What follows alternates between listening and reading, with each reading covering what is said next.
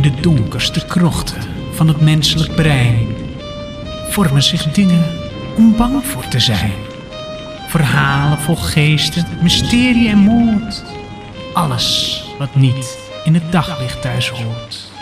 Dus leun achterover, gooi je voeten van de vloer. Maar wees op je hoede, want horror ligt op de loer.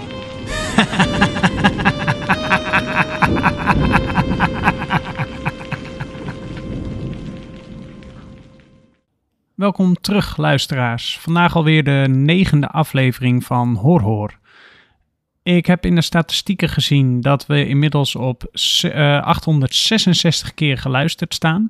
Ehm, dat betekent dat, gezien ik nu wat vroeger opneem, ik ben eigenlijk nou, bijna een, een week te vroeg met het eh, afmaken van deze aflevering. Dus op het moment dat je dit luistert, dan eh, staat hij eigenlijk al even een weekje te wachten. Ehm, dat betekent dat als er genoeg wordt geluisterd, dat we misschien bij de tiende aflevering al duizend keer beluisterd zijn. Uh, ja, dat is geweldig. Dat had ik niet verwacht dat ik dat zou halen. En stiekem had ik misschien ook niet eens verwacht dat ik het zo lang zou volhouden. Maar tot nu toe is het nog steeds heel leuk om te doen. En ik heb veel te veel inspiratie. Uh, ik ben eens gaan kijken als ik over een jaar uh, elke twee weken een verhaal uitbreng. Nou, dan zitten op ongeveer 26 verhalen.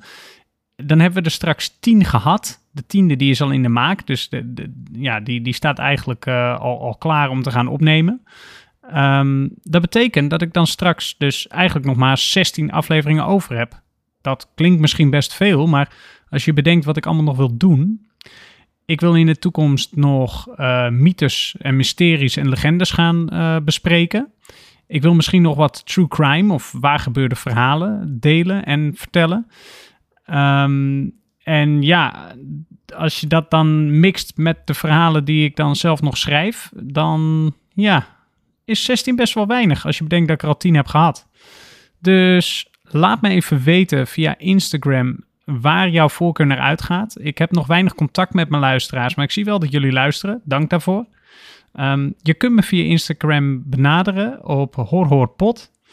Um, ja, stuur me een berichtje. Vertel me wat je interessant vindt. Of je juist graag naar de mythes en mysteries wil gaan. Dan heb ik het over weerwolven, vampiers, monsters, zombies. Roep het allemaal maar. Of dat je liever bij het type verhalen blijft wat ik nu schrijf. Of dat je zegt, nou, een keer een waar gebeurd verhaal of, of iets in die trant. Dat zint me wel. Laat het me weten. Dan weet ik een beetje hoe ik de balans moet gaan doen. Ik denk dat ik sowieso ga afwisselen. Maar ja, stel nou dat ik heel veel berichten krijg. Ik wil dit. Nou, blijf ik misschien wel bij dat. Uh, zoals beloofd, niet al te lange praatjes. Is alweer een beetje mislukt. We gaan gauw verder. Uh, het negende verhaal, Fluffy. En ik zou zeggen, geniet er lekker van. Je hoort vanzelf waar het over gaat. Veel luisterplezier.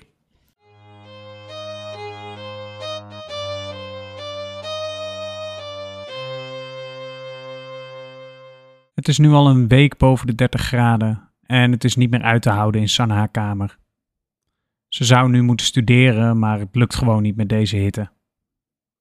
Het studentencomplex waar ze nu al een paar jaar woont is niet voorzien van een airco en het openzetten van ramen lijkt het binnen alleen maar erger te maken.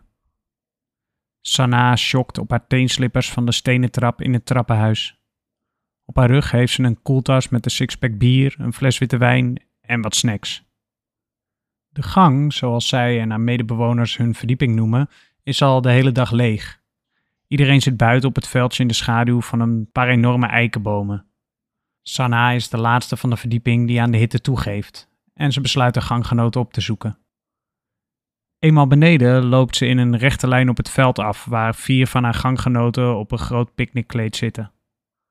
Hey, Sanna, roept er een van hen, terwijl hij zijn blikje bier naar haar heft. Lenny is altijd erg aanwezig. Als hij eenmaal alcohol heeft geproefd, dan weet hij niet meer van ophouden. De andere drie ganggenoten draaien zich nu ook om en begroeten Sanna terwijl ze plaatsneemt op het picknickkleed. Sam en Tom houden nu ook een bierblikje in de lucht en maken een proostend gebaar naar Sanna. Bo zet direct haar wijnglas voor Sanna neer en kijkt haar verwachtingsvol aan. Sanna kan het goed vinden met de ganggenoten. Ze hebben de afgelopen jaren al een hoop met elkaar meegemaakt en ze komen vaak samen in de gemeenschappelijke keuken. Ook buiten het complex zoeken ze elkaar geregeld op om leuke activiteiten te ondernemen. Sanaa trekt haar koeltas open en schenkt meteen een koele witte wijn in voor Bo en zichzelf. De mannen gedragen zich zoals gewoonlijk weer eens ongelooflijk lomp. Nog voordat Sanna het doorheeft, trekt Lenny het sixpack koude bierblikjes uit haar koeltas, waarna de andere jongens luid beginnen te juichen. Bo kijkt Sanna lachend aan, terwijl ze haar hoofd schudt. Mannen, zucht ze. De groep zit de rest van de dag in de schaduw onder de eikenbomen te drinken en te praten. Hebben jullie al wat gehoord van ons nieuwe ganggenoot? vraagt Tom nieuwsgierig. Ja, hebben we al een nieuwe ganggenoot? vervolgt Lenny grappend. Een paar weken geleden is een oud ganggenoot afgestudeerd en tijdelijk weer bij zijn ouders gaan wonen. De kamer heeft twee weken leeg gestaan voordat er een nieuwe huurder in kwam. Het duurde eventjes voor ze door hadden dat er al een nieuwe huurder in zat, omdat de nieuwe huurder erg op zichzelf is en eigenlijk nog niet uit zichzelf met een van de bewoners had gepraat. Bo zet haar glas neer. Nou, zegt ze, hij zei gisteren zelfs iets tegen me. Lenny begint te lachen. Kan hij praten dan? De jongens beginnen te lachen. Ja, vervolgt Bo, hij vroeg mij of ik misschien een goed scherp vleesmes had. Sanne haar blik vertrekt. Eeuw, creepy, reageert ze. Nou, dat is dus precies wat ik dacht, zegt Bo. Maar toen ineens vertelde hij dat hij een carpaccio aan het maken was en dat hij heel erg van koken houdt. Hij had gewoon een heel erg scherp mes nodig om de carpaccio zo dun mogelijk te snijden, zei hij. Hij vroeg me zelfs nog of ik mee wilde eten. Eigenlijk best aardig. Iedereen lijkt verbaasd over het tafereel. En toen? vraagt Sanne nieuwsgierig. Ik had een scherp mes, dus ik heb hem die uitgeleend, zegt Bo. En toen? vraagt Sanna weer. Toen is hij weer vertrokken. Een half uur later kwam hij keurig met het mes terug. Hij had hem gepoetst en al. En een broodje carpaccio salade. De ogen van Lenny gaan wijd open en hij kijkt met een grote grijns naar de andere jongens. Oeh, Bo's got a crush, grapt hij. De jongens beginnen te lachen. Nou, hij kan in ieder geval beter koken dan jij, reageert Bo. En nu begint Sanna te lachen. De ganggenoten hebben een kookschema. Zo hoeven ze niet elke dag zelf te koken en komen ze vaak samen in de keuken tijdens het diner. Lenny staat bekend om zijn veel te kruidige rotti. Hij zegt dat hij van spicy houdt, maar voor de andere ganggenoten is het altijd net even te spicy. Wie kookt er eigenlijk straks? vraagt Sam. Jij? reageert Sanna. Sam kijkt verbaasd. Ik? vraagt hij. Ik heb eergisteren al gekookt. Tom begint te lachen. Jij zou van mij invallen, drol, reageert hij. Ik heb zo een date. Fuck, zegt Sam. Ik heb geen boodschappen gedaan. Kan iemand anders niet koken? De opties worden even afgewogen, maar niemand lijkt bereid om het koken op zich te nemen vanavond. Het is vandaag toch ook veel te heet om te koken. Kunnen we niet iets bestellen? zegt Sam. Nee, dat kost me te veel geld, reageert Bo. Ik kan de huur al amper betalen. Ik ga niet elke week eten bestellen. Sanna sluit zich bij Bo aan. Ik heb nog wel wat gehakt. Als iemand anders nog broodjes heeft, kunnen we misschien hamburgers maken. Lenny schiet overeind. Laten we gaan barbecuen, roept hij enthousiast. Voordat de rest kan reageren, rent Lenny het trappenhuis al in. Even later komt hij terug met een kleine barbecue, kolen en een rugzak met wat vlees. Hij zet de barbecue klaar en kijkt afwachtend naar de groep. Moeten jullie niet ook wat gaan halen? Sanna en Bo lopen samen naar boven en halen wat sausjes, een paar restjes uit de gezamenlijke koelkast en het gehakt van Sanna. Als ze weer bij de groep aansluiten, leggen ze de buit bij elkaar. Hmm, wel een beetje mager zo, zegt Sam. Maar iets is beter dan niets. Sam en Lenny steken de barbecue aan en Sam gaat het vlees voor de groep. Het is al donker als het laatste vlees van de barbecue verdwijnt. Lenny kijkt teleurgesteld naar zijn bord. Ik zit echt nog niet vol hoor, zegt hij. Sam reageert gepikeerd. Ja, ik kan er ook niet meer van maken. Wees blij dat we nog wat hebben gegeten. Sanna staat op. Ach, een biertje staat gelijk en twee bruine boterhammen, zegt ze opgewekt. Ik haal nog wel wat. Sanna doet haar lege koeltas op haar rug en gaat het trappenhuis weer in. Ze pakt de laatste twee sixpacks bier uit de koelkast en loopt weer naar het trappenhuis. Net als ze de deur van het trappenhuis wil openen, komt deze naar haar toe. Een jongen met een blond opgeschoren kapsel stapt de gang in met een zwarte boodschappentas. Hij kijkt in zijn tas terwijl hij de gang inloopt en loopt bijna tegen Sanna aan. Sanna doet de stap opzij. De jongen kijkt geschrokken op. Oh, sorry, ik had je niet gezien, zegt hij. Het is de nieuwe ganggenoot. Bo was erg positief over hem, dus Sanna knoopt een gesprekje aan. Oh, dat geeft niet, zegt ze. Ik ben Sanna. Ik woon hier aan het eind van de gang. En ze strekt haar hand uit. De jongen geeft onhandig de zware tas over in zijn linkerhand, zodat hij zijn rechterhand vrij heeft, om Sanna de hand te schudden. Ik ben Sven, zegt hij. Ik ben hier net nieuw. Sanna lacht vriendelijk naar Sven. Ja, dat heb ik inderdaad begrepen. Wat leuk om je eens te spreken. De twee kletsen nog even verder. Zal ik nog even helpen met die boodschappen? Die tas ziet er erg zwaar uit, zegt Sanna. Sven schudt zijn hoofd. Nee, dat hoeft niet. Dit gaat allemaal in één klap mijn vriezer in. Het is alleen vlees. Vlees? reageert Sanna. Jeetje, jij hebt genoeg. We hadden met z'n vieren niet eens zoveel. Ja, ik kook graag, vertelt Sven. Ik sla altijd een hoop vlees in, want ik vind niets vervelender dan tekort vlees in mijn gerechten, lacht hij. Even aarzelt Sanna, maar dan vraagt ze het toch. Wil je misschien bij ons komen zitten buiten, op het veld? We hebben net een barbecue gedaan en iedereen van de gang is er, behalve Tom. Sven kijkt naar zijn tas. Ik ben niet zo goed in grote groepen, zegt hij voorzichtig. We zijn maar met z'n vieren en volgens mij willen ze je allemaal heel graag leren kennen, zegt Sanna. Sven blijft even stil en kijkt naar zijn tas. En dan glimlacht hij. Hebben jullie nog vlees nodig? vraagt hij. Dat zou geweldig zijn, reageert Sanna. Sven loopt snel zijn kamer in en gooit een groot deel van het vlees in zijn vriezer. Hij pakt ongeveer een kilo vlees en rolt het in een stuk aluminiumfolie. Niet veel later komen Sanna en Sven het trappenhuis uit met het bier en het vlees. Sam, Lenny en Bo kijken verbaasd naar het tweetal als ze aankomen lopen. Dit is Sven, vertelt Sanna. Ik kwam hem tegen op de gang en ik dacht: dit is het perfecte moment om hem aan jullie voor te stellen. Hoi Sven, zegt Bo. Hoi Bo, zegt Sven. Deze twee hebben elkaar immers al eens gezien. Sam en Lenny kijken Sven vol verwachting aan en zeggen geen woord. Dan loopt Sven stilletjes naar de barbecue en legt ineens het vlees erop. Ik heb vlees, zegt hij, terwijl hij omkijkt naar de jongens. Het is duidelijk dat dit iets doet met Sam en Lenny.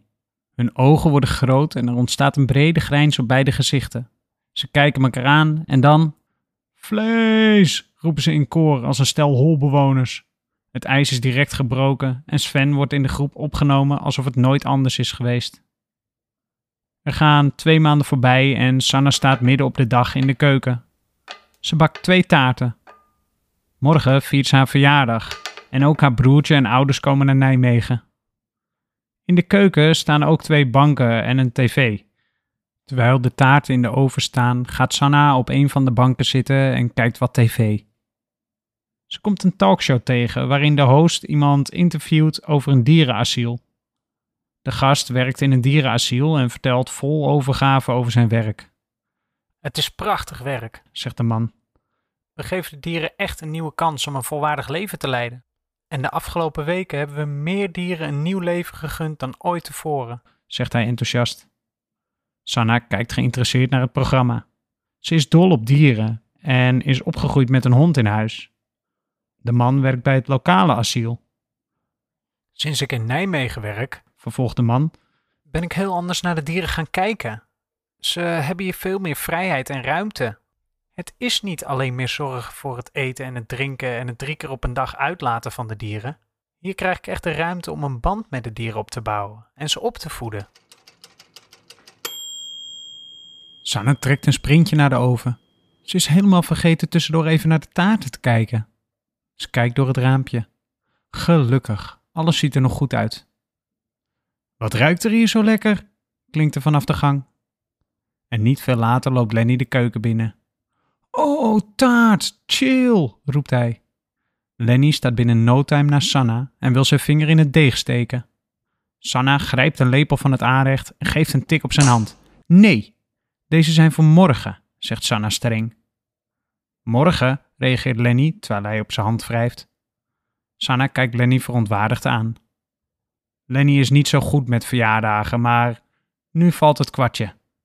Ik bedoel, ja, natuurlijk, voor morgen. Maar hij moet toch eerst geproefd worden, zegt Lenny. Sanna houdt voet bij stuk. Nee, proeven hoeft niet, zegt ze. Als jij niet net als vorig jaar een cadeautje vergeet, krijg jij morgen ook een stukje taart, grapt ze. Lenny ploft op de bank neer. Wat ben jij nou aan het kijken? vraagt hij. Niet wegzeppen, reageert Sanna. Dat is iemand die hier in Nijmegen in het asiel werkt. Het is super interessant. De laatste tijd nemen vet veel mensen een nieuw huisdier mee uit het asiel.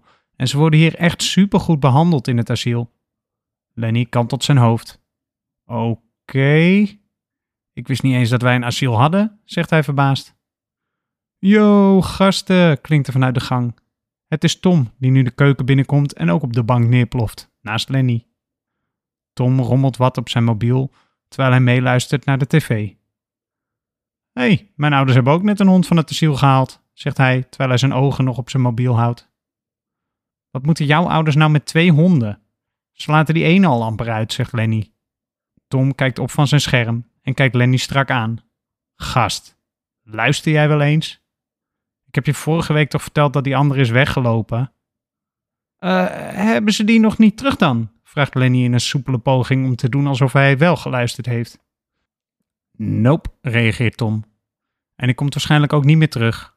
Hij zal vast aangereden zijn of zoiets. Anders was hij al lang al terug. Oh, arm beestje, reageert Sanna. Het was zo'n droppie. Sanna loopt naar Tom toe, die nog steeds op zijn mobiel zit. En hoe gaat het met jou? vraagt ze. Tom kijkt verbaasd op. Hoe bedoel je? Het was mijn hond niet. Sanna draait zich weer om. Jij bent af en toe ook echt een botte lul, klaagt ze. Voor wie bak je die taart eigenlijk? vraagt Tom. Als Sanna verontwaardigd omkijkt, ziet ze nog net hoe Lenny aan Tom gebaart dat hij die vraag beter niet kan stellen. Ook Tom is vergeten dat Sanna morgen jarig is. Nou, ik geloof dat we morgen taart over hebben, grapt Sanna. Als je niet eens weet dat ik morgen jarig ben, hoef je vast geen taart. Ze hoort de jongens achter zich fluisteren en niet veel later zijn ze verdwenen. De volgende ochtend stapt Sanna onder de douche, trekt ze haar nieuwe jurk aan en doet ze haar make-up net even uitgebreider dan normaal.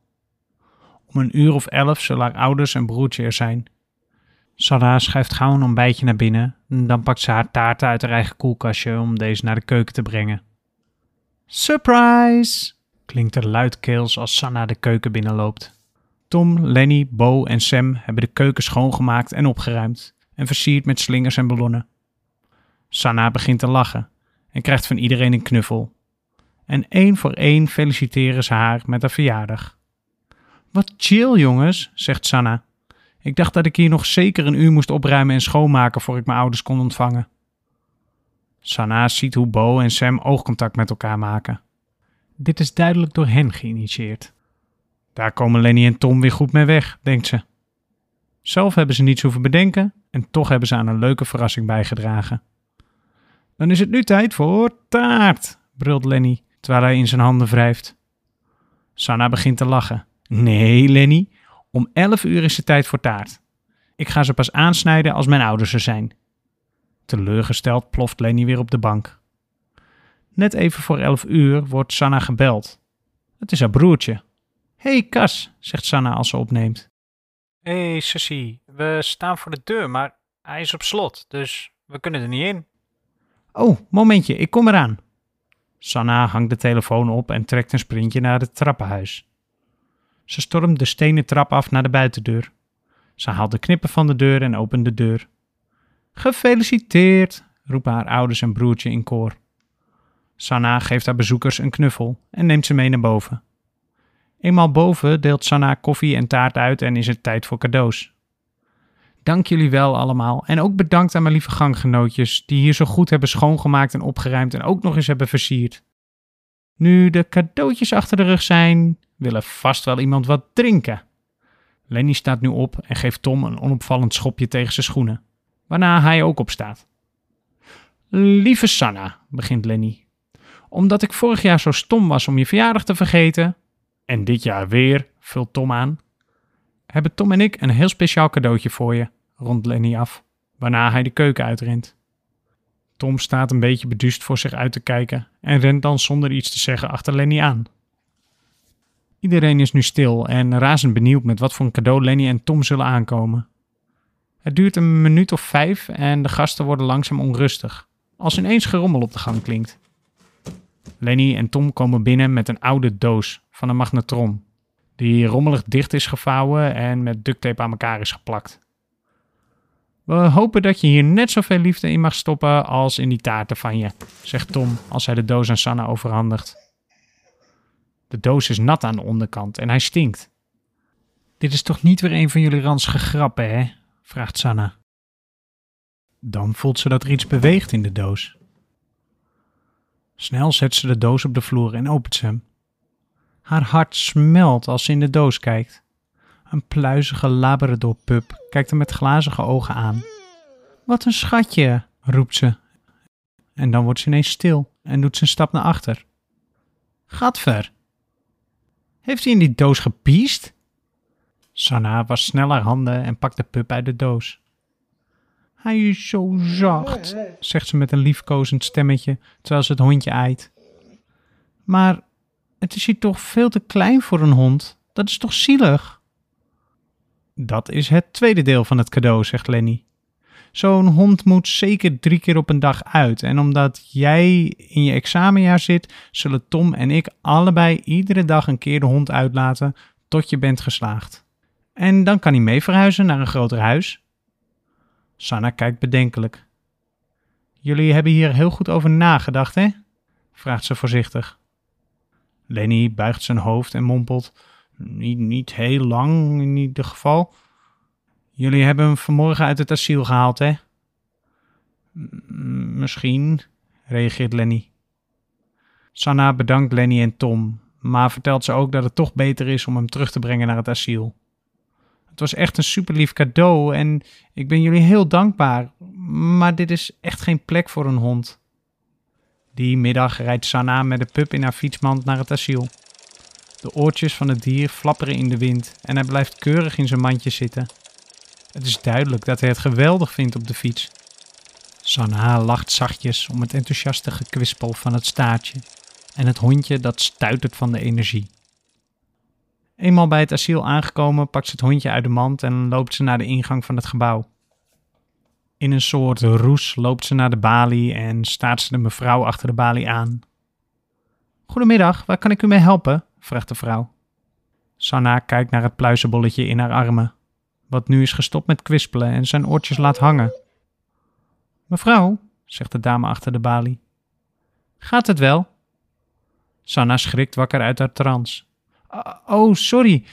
Um, uh, zijn die hondjes die bij jullie vandaan komen gezond? Sanna kan wel door de grond zakken van schaamte. Ze kan het niet. Het is zo'n schattig beestje en hij was zo lief op de fiets. En nu stelt ze zo'n stomme vraag om maar te voorkomen dat ze het hondje moet afstaan. Ja, die dieren worden hier goed verzorgd en ze worden voor het vertrek op hun gezondheid getest, zegt de vrouw achter de balie. Het antwoord van de vrouw komt niet goed bij Sanna binnen. Achter de balie ziet ze gezochtposters hangen van allemaal vermiste honden. Zijn al die honden vermist? vraagt ze. Ja, dat klopt. Wij hangen hier die posters op zodat we weten wie we moeten bellen als er per toeval een hond binnenkomt die vermist is. Het gebeurt wel eens dat we dan een baasje weer heel blij kunnen maken omdat we zijn trouwe viervoeter hebben gevonden. Sanna kijkt nog steeds verbaasd naar de grote hoeveelheid posters. Het moeten er wel dertig zijn. Hoe lang laten jullie die posters hangen? vraagt ze dan. Een maand, reageert de vrouw. Na een maand komt zo'n vermist dier maar zelden weer tevoorschijn.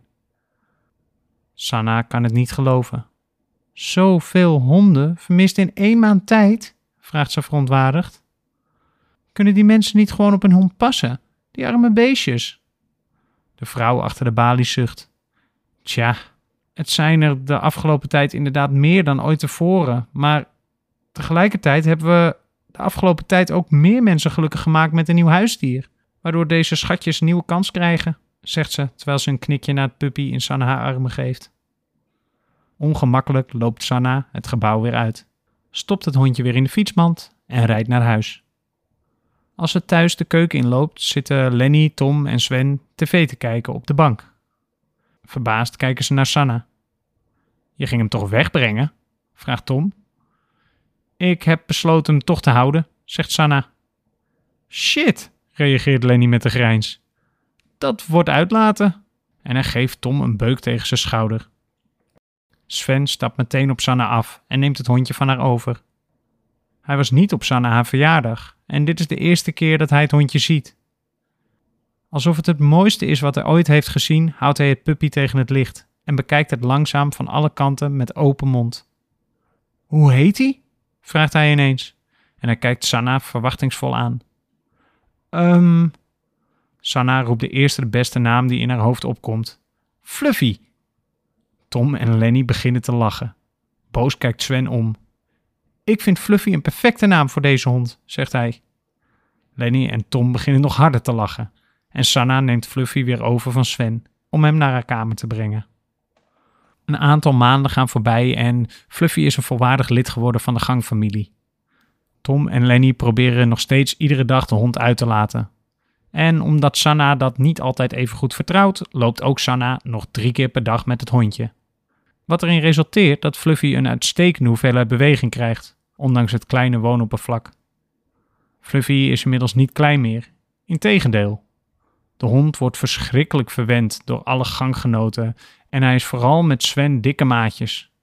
Met de nadruk op dikke omdat Sven altijd wel vlees in huis heeft, krijgt Fluffy vaak wat stukjes vlees van Sven. En als er één ding is wat Fluffy nooit laat liggen, is het wel vlees.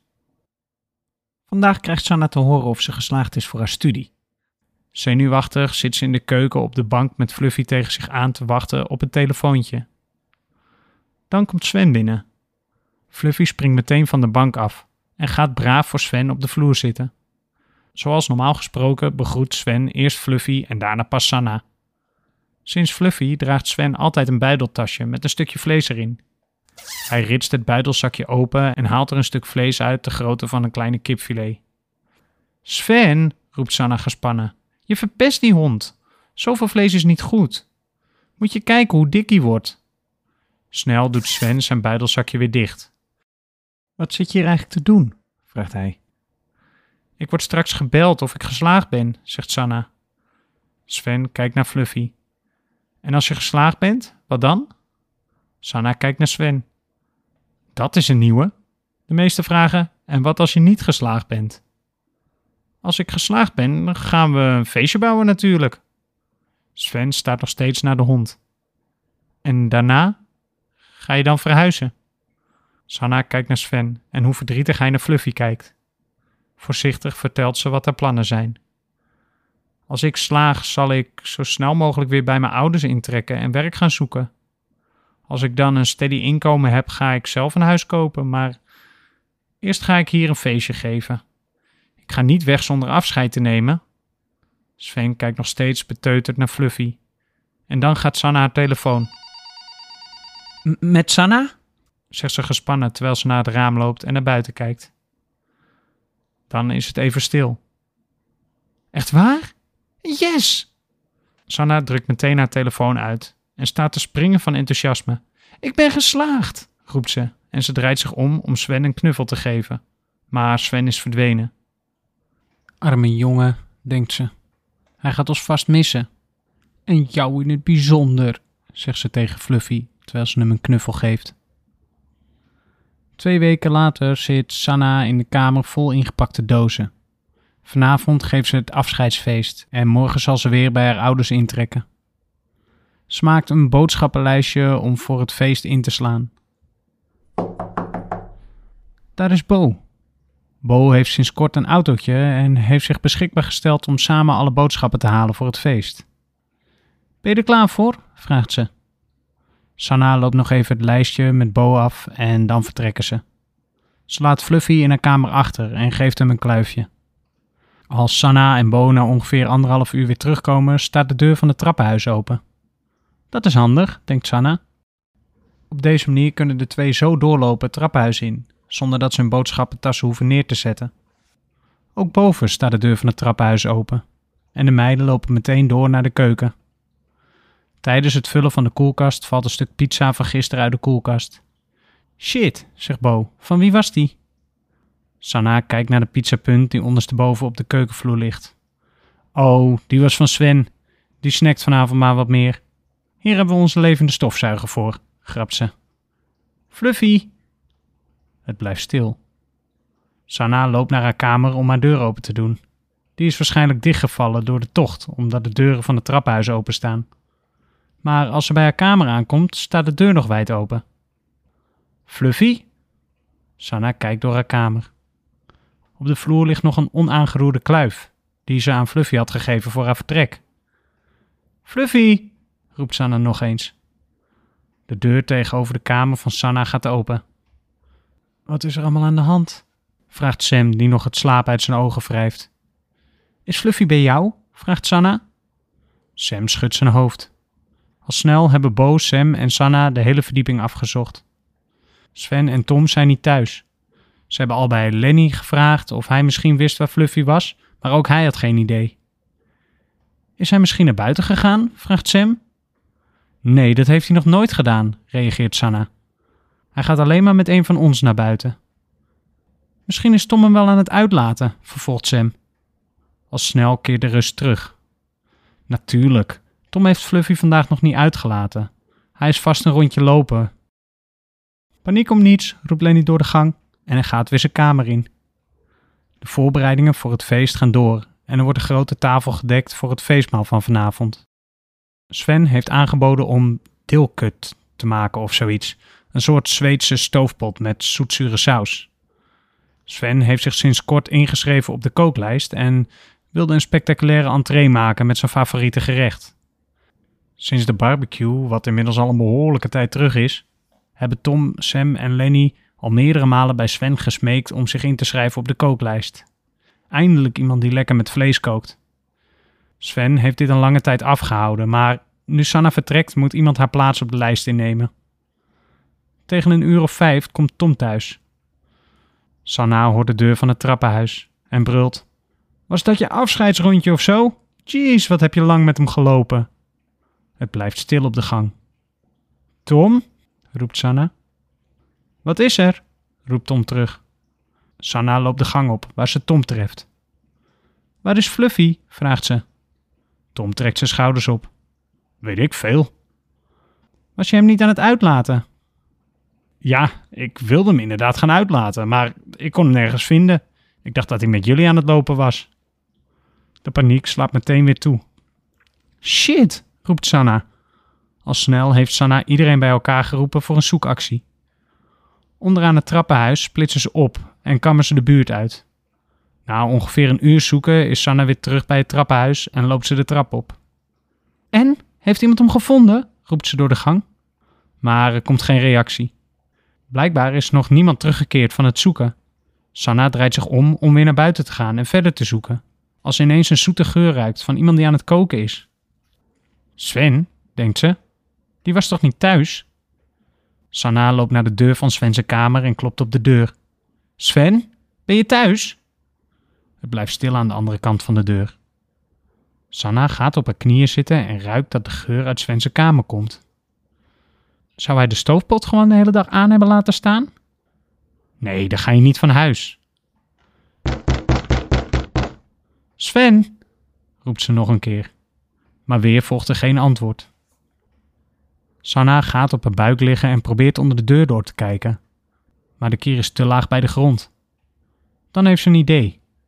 Ze loopt naar haar kamer en haalt een make-up spiegeltje. Ze zet het spiegeltje een klein beetje schuin op de grond en zo kan ze via het spiegeltje onder de deur doorkijken. Ze ziet niets bijzonders, maar hoort wel hoe er vlak bij de deur een pannetje staat te pruttelen. Hij moet wel thuis zijn, denkt ze. Doodstil ligt Sanne op de grond en wacht ze af tot er iets gebeurt. Dan hoort ze ineens geritsel van vuilniszakken. Sven? roept ze nog eens. Dan schieten er ineens twee voeten in witte sokken voorbij en ziet ze hoe een volle vuilniszak over de vloer wordt gesleept en achter het gordijn wordt gezet. Sven, doe open. Ik zie je voeten. Ik weet dat je er bent. Sven, dit is niet meer leuk. De voeten komen richting de deur en de deur gaat open. Chill, zegt Sven terwijl hij naar Sanna kijkt die nog op de vloer ligt met het spiegeltje in haar hand. Hij wrijft in zijn ogen alsof hij net wakker is. Heb jij Fluffy gezien? vraagt Sanna gespannen. Wie? reageert Sven. Die hond weet je wel, die er al bijna een jaar rondloopt. Doe niet alsof je achterlijk bent. Chill, Sanna. Ik word net wakker, reageert Sven. Sven staat met zijn handen van binnen tegen de deurpost, alsof hij de weg voor Sanna wil versperren. Heb je Fluffy gezien? vraagt Sanna nog eens, terwijl ze haastig de kamer van Sven scant. Nee, hoezo? vraagt Sven met een slaperige stem. Sanna reageert niet op zijn vraag en gaat door met het scannen van de kamer. Vlak achter de deur heeft iedere kamer een wasbakje met een spiegel en een stukje aanrecht. Op het aanrecht staat een mobiel gaspitje waar een pan op staat te pruttelen. En over de wasbak ligt een grote snijplank met het gebruikte vleesmes van Bo erop. Wat zit er in die vuilniszak? vraagt Sanna terwijl ze over de arm van Sven kijkt. welke vuilniszak? vraagt Sven. Die vuilniszak die je net achter het gordijn hebt gezet, zegt Sanna. Sven vertrekt zijn blik niet en kijkt achter zich. Vuilnis, antwoordt hij, waarna hij zijn hoofd weer naar de deuropening draait. Dan ziet hij dat Sanna er niet meer staat. Toen Sven omkeek, is Sanna gauw onder zijn arm doorgedoken en nu loopt ze op het gordijn af waar de vuilniszak achter staat. Net voor ze de gordijnen weg kan trekken, pakt Sven haar bij haar arm. Ik vind dit niet chill, zegt hij. Sanna rukt zich los. Ik ook niet, schreeuwt ze in zijn gezicht. Jij doet verdacht en ik ben Fluffy kwijt. Kalm aan, zegt Sven rustig. Tom of Lenny is hem vast aan het uitlaten. Nee, hij is vermist. Net als al die andere honden hier in de buurt. Dan valt Sanne haar oog weer op de pan die op het vuur staat. Haar maag draait zich om bij de gedachte, maar toch vraagt ze het. Wat voor vlees zit er eigenlijk in die stoofpot? Zodra Sven omkijkt, trekt Sanna het gordijn opzij. De vuilniszak valt om en er rolt een zwarte hondenkop over de vloer. Het is Fluffy. Sanna staart naar de kop en gelooft haar ogen niet. De deur van de slaapkamer slaat dicht en Sanna draait zich om. Hoeveel mensen eten er eigenlijk mee? vraagt Sven terwijl hij Sanna doordringend aankijkt. Tien? Twintig? Sanna krijgt haar lijf niet in beweging en krijgt geen geluid uit haar keel. Sven gaat verder. Dertig? Ik denk dat we vanavond nog wat vlees overhouden, zegt hij dan. Langzaam pakt Sven het vleesmes van de snijplank en in dramatisch langzame stappen loopt hij op Sanna af. Sanna begint te gillen, zoals ze nog nooit heeft gegild. Sanna! klinkt er van buiten. Sanna kijkt achter zich door het raam. Drie verdiepingen lager staan Lenny, Sam, Tom en Bo. Help! roept Sanna naar beneden. Lenny zijn blik vertrekt direct en hij rent richting het trappenhuis. Sam, Tom en Bo staan als bevroren toe te kijken als achter Sanna een hand met een mes verschijnt dat Sven boven zijn hoofd houdt. Kijk uit, roept Bo, terwijl ze naar boven wijst. Sanna draait zich in een ruk om en ziet hoe Sven zijn volledige gewicht achter het mes zet om deze in Sanna te steken. Net op tijd weet Sanna opzij te duiken, waarna Sven over de kop van Fluffy struikelt. Sanna krabbelt overeind en rent zo snel ze kan richting de deur. Net als ze de deur naar binnen opentrekt, wordt ze aan haar haren weer de kamer ingetrokken. Sven trekt Sanna een paar meter de kamer in en dan trekt hij zo uit haar haren richting de grond dat ze opnieuw achterover op de vloer valt, naast de vuilniszak die onder het raam staat. Dan stormt Lenny ineens de kamer binnen en vliegt in een rechte lijn op Sven af. Laat dat mes vallen, roept hij. Als Sven zich omdraait, duikt Lenny met zijn volle gewicht tegen Sven aan. Sanna knijpt haar ogen dicht als de twee contact maken. Een luid gerinkel klinkt. Sanna opent voorzichtig haar ogen. Het is stil in de kamer. Lenny en Sven zijn niet meer in de kamer. En ze voelt hoe een zacht briesje van achteren door haar haren blaast. Beduust staat ze op en kijkt ze door het gebroken raam naar beneden. Drie verdiepingen lager liggen Sven en Lenny op elkaar op straat. Het mes ligt een paar meter verderop. Bo zit hyperventilerend op de grond. Sam probeert haar te kalmeren en Tom zit bij de twee levenloze lichamen op de grond. De kop van Fluffy staart Sanna aan, als in de verte sirenes klinken.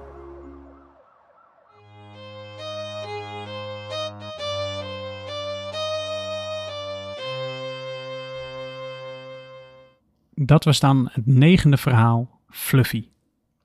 Zoals ik in de intro al even vroeg, benader me vooral via HoorHoorPot op Instagram. Ik herhaal HoorHoorPot. Uh, stuur me daar een berichtje. Wat wil je horen? Heb je zelf nog ideeën voor verhalen? Of wil je graag mythes en legendes meer aandacht, onder de aandacht brengen? Of wil je juist uh, true crime? Uh, moet ik nog ingaan op bijvoorbeeld de Slenderman-stabbing? Laat het me weten via Instagram. En dan hoop ik wat meer contact en interactie met mijn luisteraars te krijgen. Bedankt voor het luisteren. Volg me dus op HoorHoorPot via Instagram. Stuur me een bericht en tot over twee weken. Oh, en vergeet niet, wees op je hoede, want horror ligt op de loer. Jezus, vergeet bijna mijn punchline. Amateur.